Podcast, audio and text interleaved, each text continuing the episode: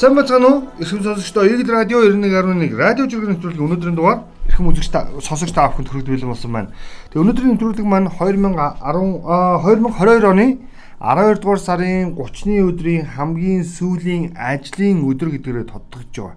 За нөгөө талдаа энэ онд хамгийн сүүлийн дугаар гэдгээр бас тодтогдно. Өөрөөр хэлбэл бүгдөө энэ ондоо алдаа оноо, амжилт ололтоо дүгнэн цэгнэх ийм өдөр ажлын өдөр шүү гэдгээрээ би та бүхэндээ бас өнөөдрийнхөө дугаарыг онцлох гэж байна. За өнгөрсөн 2022 оны хувьд бол Eagle Radio 91.1-ийн радио жиргээ нэвтрүүлгийн үед бол за тасралтгүйгээр ажлын 5 хоногт за ингээд радио жиргээ нэвтрүүлгүүдийг хүргэж ирсэн. Энэ хугацаанд за нэвтрүүлэгч өн бол манай цагийн уур гарын инженер өн бол за наран төгс нарын хүмүүстэйгээ бид нэвтрүүлэг өргөдөг гэсэн. А энэ оны одоо юу гэдгийг дараагийн он шилжих хугацаанд тодорхой за нэг тийм давсарлага авсан. Гэхдээ нэвтрүүлэг маань тасраагүй гэдгийг онцлох хэрэгтэй.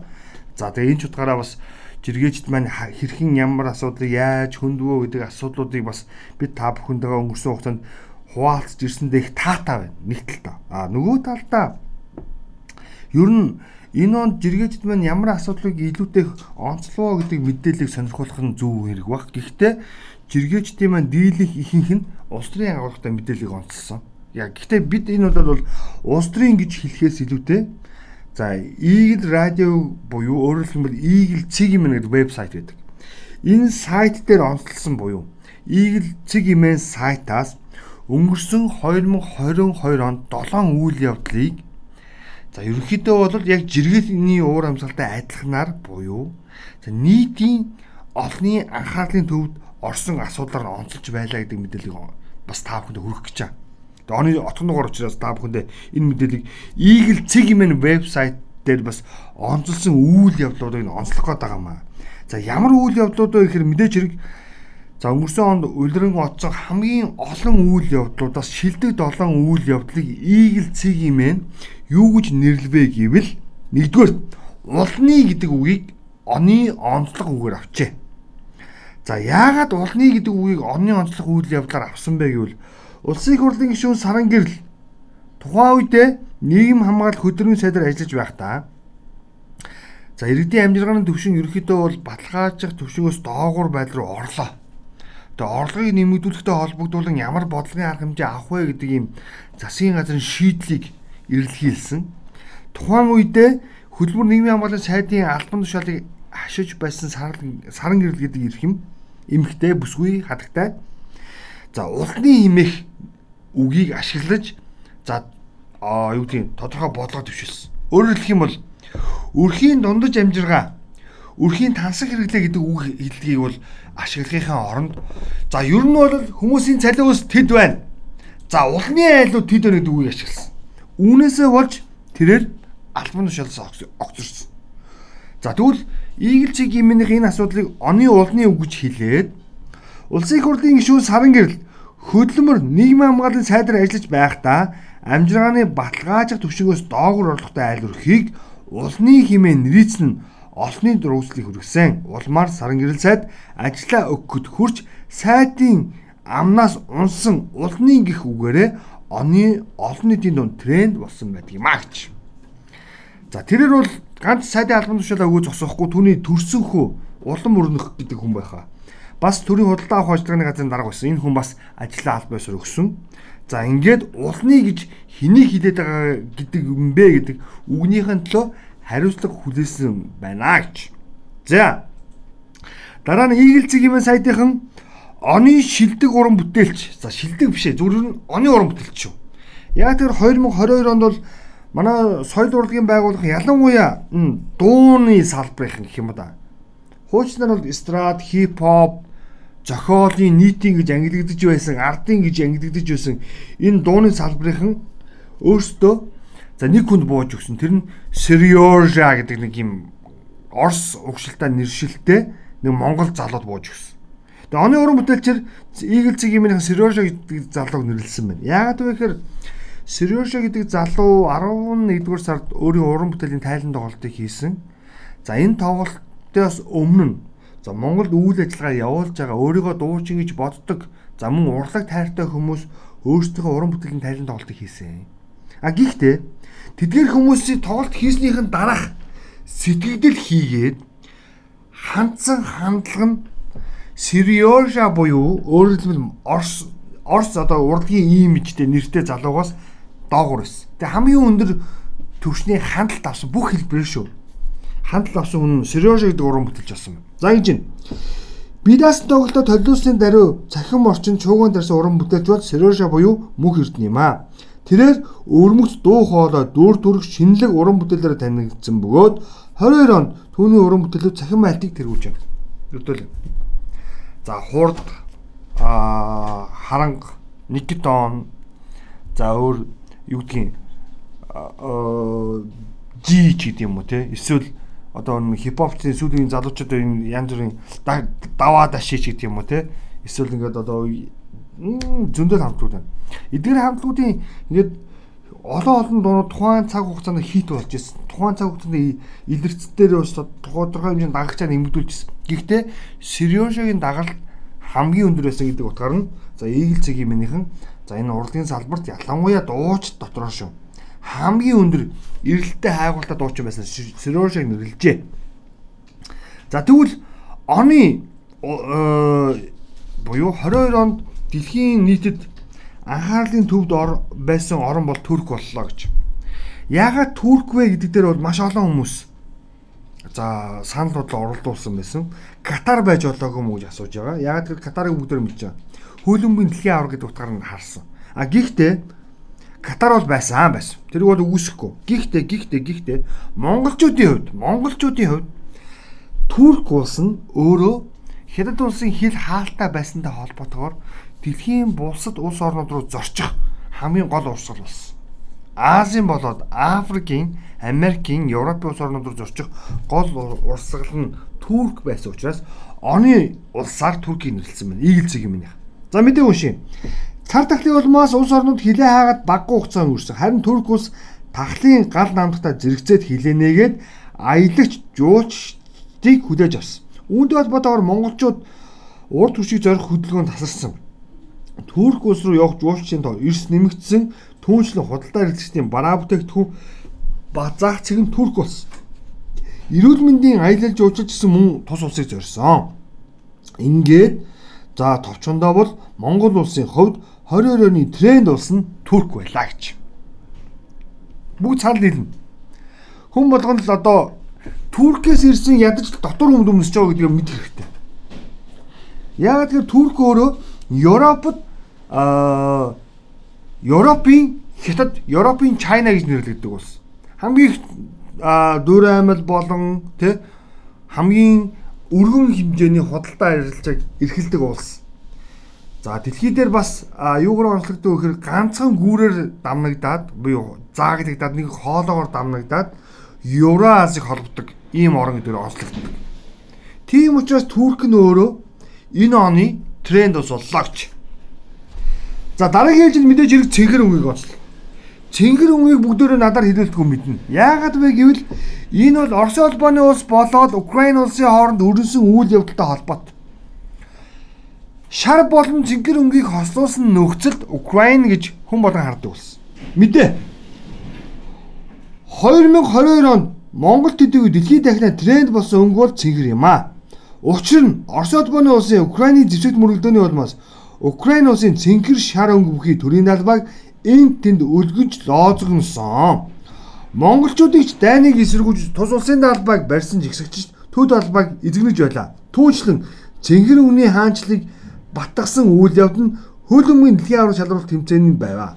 Энэ тэмцээний ялагч болж дэлхийн аврал шалруулах тэмцээний ялагч нь Аргентин болсон нь цэнхэр өнгийг ялагч болголоо гэж байгаа. Тэгэхээр бас бодмоор нь бодмоор нь Өмнөний сонголтыг бас хэлмээр байна, хиймээр байна. Тэгэхээр Eagle-ийг имэнийхэн бол за Украины асуудал буюу цэнхэр өнгөний асуудал юу гэж онцолсон бэ гэхээр та бүхэндээ түрүүн хэлжсэнчлээ. За ингээд Украин өөрөө шар өнгөтэйгөө хослох юм бол за ардчлал эрхчлөөг эрхэмлэгч болсон нөгөө талдаа энэ жилийн дэлхийн аврагын шалруулалт тэмцээний цомыг за Аргентинчууд өргөсөн учраас тийм үү? Ингээд цэнхэр өнгө онцлогдлоо гэж. За дараагийн ээлжинд аа оны шилдэг үзүүрээр тамгагүй төр жүжиг нэрлсэн ба. За энэ жүжиг бол маш өргөн одоо цар хүрээтэй зохион байгуулагдсан. Нөгөө талдаа драмын гэдэг агуулгаараа Монгол улсыг төлөөлөөд Английн за хамгийн том театруудын нэгт тоглогдохоор болгогдсон гэдгээр онцлогдно. За мөн энэ жүжиг буюу тамгагүй төр нэршилтэй энэ жүжиг тайзны шийдэл за ингээд за уран бүтээлчдийн бүрэлдэхүүнийх нь хувьд өмнөх драм театрын бүрэлдэхүүнээс за 200-аас за 300 дахин өртгсөн хувилбартай байсан гэж хэлж байна. Яг тэгвэл өмнө тоглогдож байсан драмын театрын бүтээлүүд ихэвчлэн тухайн драмын театрын тайз хийгээд за өгөгдсөн за жижиг хэрэглэл буюу өөрөөр хэлбэл ховц за ингээд үндсэн боловсон хүчин дээр төвлөрдөг байсан бол энэ удаагийн тамгуу дур жүжигийн үндсэн тайзны засал нөгөө талдаа жүжигчдийн бүрэлдэхүүн за ингээд оролцсон хамрах ганц драм гэлтгүм циркийн уран бүтээлч за уран зураг За нөгөө талдаа хөгжмийн гихчлэн урлагийн бүхий л салбарынхны нэгтгэж чадцыг дээр онцлогдсон. За мөн за хууц хэрэглэлийн хувьд нөгөө жижиг хэрэглэл гэж яриад байгаа. Энийний хувьд бол хуучин өгцөн өгдөл гэхээс илүүтэй за тайзан дээрх тухайн жүжигт хэрэглэгдэж байгаа хувцас хэрэглээс ихсүүлээд бүхий л бүтээгдэхүүн 98% шинжилэл хийгдсэн гэдгээрээ гайхагдсан. За 2% нь юу байсан бэ гэвэл үндсэн тайж байсан байшин байсан. А бусад хэрэглэл жижиг хэрэглэл бол үндсэндээ а юу гэдгийг тамгуу төр гэдэг жүжиг бол за үндсэндээ драмын театрын ялангуяа жүжигийн урлаг гэх юм одоо миний хэлдгээр салбарын одоо шинжил байсан гэж. Тэгэд энийг Игэл цэмийн игмэнийхэн юу гэж бичсэн бэхээр Хөдөлмөрийн Баатар ардын уран зохиолч Хавс өрөнгийн 5 төр эмгэнэл жүжигийг Хэро нэршилтэй буюу Баатар гэдэг хүний 24 жилийн дараа физикл одоо мюзикл багт энэ хэлбэрээр толиулсан оны онцлог үзүрцөөсөр нэрлэгдэнэ. Тамгагүй төр жүжигийг 117 удаа тоглоод гадаа дотоодын нийт за 68774 үзэгч хүрхэгсэн Монголын театрын төвхөнд шинэ хуудас ирүүлсэн юм а гэж. За энэ үнэхээр гайхамшигт. За Игэл цэгийн минийхэн дараагийн ээлжинд Наади гэдэг дууг оны шилдэг дуугаар нэрлсэн. Уран бүтээлчийн биш дуугийн шүү. За уран бүтээлчийн тухай гэх юм бол бид маш олон байдлаар хэлж байгаа. Нэгэн жишээлбэл Сережа гэдэг залуу хамгийн олон хамталтаараа нэрлэгдэж байсан бол Нади гэдэг дууг оны шилдэг уран бүтээлээр нэрлсэн байна. За Нади гэдэг дууг яагаад оны шилдэг уран бүтээлээр нэрлсэн бэ гэхээр энэ дуу өөрөө за маш олон одоо өмнөх цаг хугацаанд зохиогдож байсан буюу одоо цаг хугацаанд ашиглагдаж байгаа хөгжмийн урсгалуудыг нийлүүлсэн. Уламжлалт, рэп, техно, за юу гэдэг электро гихчлэн энэ хөгжмийн урс трап энэ урсгалуудыг нэгтгээд за ингээд шинэ айз үүсгэсэн. Гэхдээ уламжлалт айз хэвээрээс. Энэ айзэн дээр үндсэндээ за хамгийн товчхон хугацаа гэх юм бол 6 дугаар сарын 1-ээс 8 дугаар сарын 30-ны өдрийг хүртэлх хугацаанд бүгд наацсан. Ой, манай бүжгийн бол бүжгээр бүх хүмүүс ингэсэн. Энэ анзаа. Тийм учраас энэ Наади гэдэг дууг оны шилдэг дуугаар Eagle цэгийн минийх нэрлжээ. Тайлбар. Залуу артист Э мөнх эрдэн буюу Young Mo G-гийн Наади уран бүтээл өнгөрсөн оны онцлог уран бүтээл байлаа. 22 оны 6 сарын 18-нд YouTube хуудсанд аль биесээр тавигдсан ч ердөө 6 сарын дотор хандлт нь 10.5 сая. Хипхоп мөн үү? Ийм байжээ гэж. За мэдээж хэрэг оны онцлог үйл явдлын төсгөлд нь яхахгүй бид нар жигсаал цуглааныг нэрлэх ёстой. Игэл цэгийн минь ч гэсэн энэ үйл явдлыг юусоо мартсангүй. Яг тэгэхээр жигсаал цуглаан буюу тайван болон санаатай болон санамсаргүй зоригтой болон зориггүй хөчлөн маш олон төрлийн жигсаал цуглаан 22 онд өрнөсөн. Тэгээ энэ жигсаал цуглаан бол оны онцлог үйл явдал болохоос өөр аргагүй байхгүй. Яа тэгэхээр эрх барьж байгаа улс төрчдийг ажиллаа хийхийг шаардсан төрөл бүрийн хэлбэрийн жигсаал болсон. Гэхдээ энэндээс хамгийн үр дүнтэй байсан иргэдийн нүцгэлэх хэлбэр байлаа гэж. Тэгэд жигсаал гэхээс илүүтэй ерөөхдөө нүцгэлсэн хүмүүсийн үгийг хүн сонсдгийм байна гэдэг ишлэлийг нь Игэл цэгийн минийхээ онцолсон оны үйлдэл буюу нүцгэлэл гэж байна. 2022 онд жигсаа хоёр жигсаал болсон Хүмүүс төв талбайд цугдарсан энэ үеэр жигсэгчд хаврын хавсраг эдгээр өсгийн хүүдний үйл ажиллагааг нүцгэлж эсэргүүцлээ илэрхийлсэн. Хамгийн сүүлд буюу 12 сард болсон жигсаалын үеэр иргэд төрийн ордны баруун хаалган дээр нүцгэн суулт зарласан юм а. Хасах 16 химийн хүүтэн байсан учраас нүцгэлэн жигсэгчд за зарим нь осголтын зэрэг тогтоогдсон учраас эмнэлэгт хүргэгдсэн байдаг гэдэг. За ямар ч хэлсэн жигсаал болгон өөрөө онцлог үйл явдалтай байдаг. Тэдгэрийн энэ жилийн хувьд бол олон жигсаал зохион байгуулагдсны хамгийн онцлог нь мэдээж хэрэг за оны шилдэг нүцгэлэлт гэдэг үйлдэл байлаа гэдэг энэ мэдээллийг та бүхэнд онцлог хүргэж байгаа маа. Тэр өнөөдрийн төлөвлөлтөд хамт байсан үзэгч та бүхэндээ сонсогч та бүхэндээ маш их баярлалаа. Тэгээ өнөөдрийнхөө дугаарыг энэ хүргээд өндөрлөө яагаад вэ гэхээр та бүхэн маань гэртээ хийх ажил олон байгаа. За ингээд маргааш 31-ний өдөр илүү олон За үйл явдлаа та бүхэн маань тулгарна илүү олон үйл явдлаа та бүхэн маань дүүний хилцээр харна гэдэг учраас бид та бүхэндээ боломж олгож байна гэж бас энүүхэндээ бас хэлье. Тэгээд бидэнтэй хамт байсан 22 оны туршид биднийгээ сонсож байсан эрхэм сонсогч та бүхэндээ маш их баярлалаа. Радио жиргэн нэвтрүүлгийн хамт олонны зүгээс уран бүтээлчдийн зүгээс найруулагчдын зүгээс та бүхэндээ талархаж байгаагаа илэрхийлье. Тэгээд Eagle Цэгийн маань вебсайтын хамт олондоо болон Eagle телевиз Eagle радио за радио жиргэн нэвтрүүлгийн уран бүтээлчдийн зүгээс эрхэм үзэг сонсогч та бүхэндээ.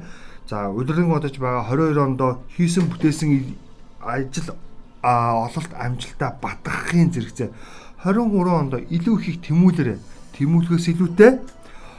За ганцхан зүйл ишлэлийг хэлье. Утга учиргүй амьдралыг туулж өнгөрүүлэх утгагүй гэдэг үгний төлөө өөрөөр хэлэх юм бол та байгаа зүйлдээ сэтгэл хангалуун байгаарай. Бүх зүйлийг өөдрөөр хараарай хин нэгэнд байхгүй юм талаа өөрийгөө битгий шаналгаараа гэж та бүхэнд зөвлөе. Бүгдөө шинэ ондоо шинэ мэдээлэлтэй иргэн болж баяр таа.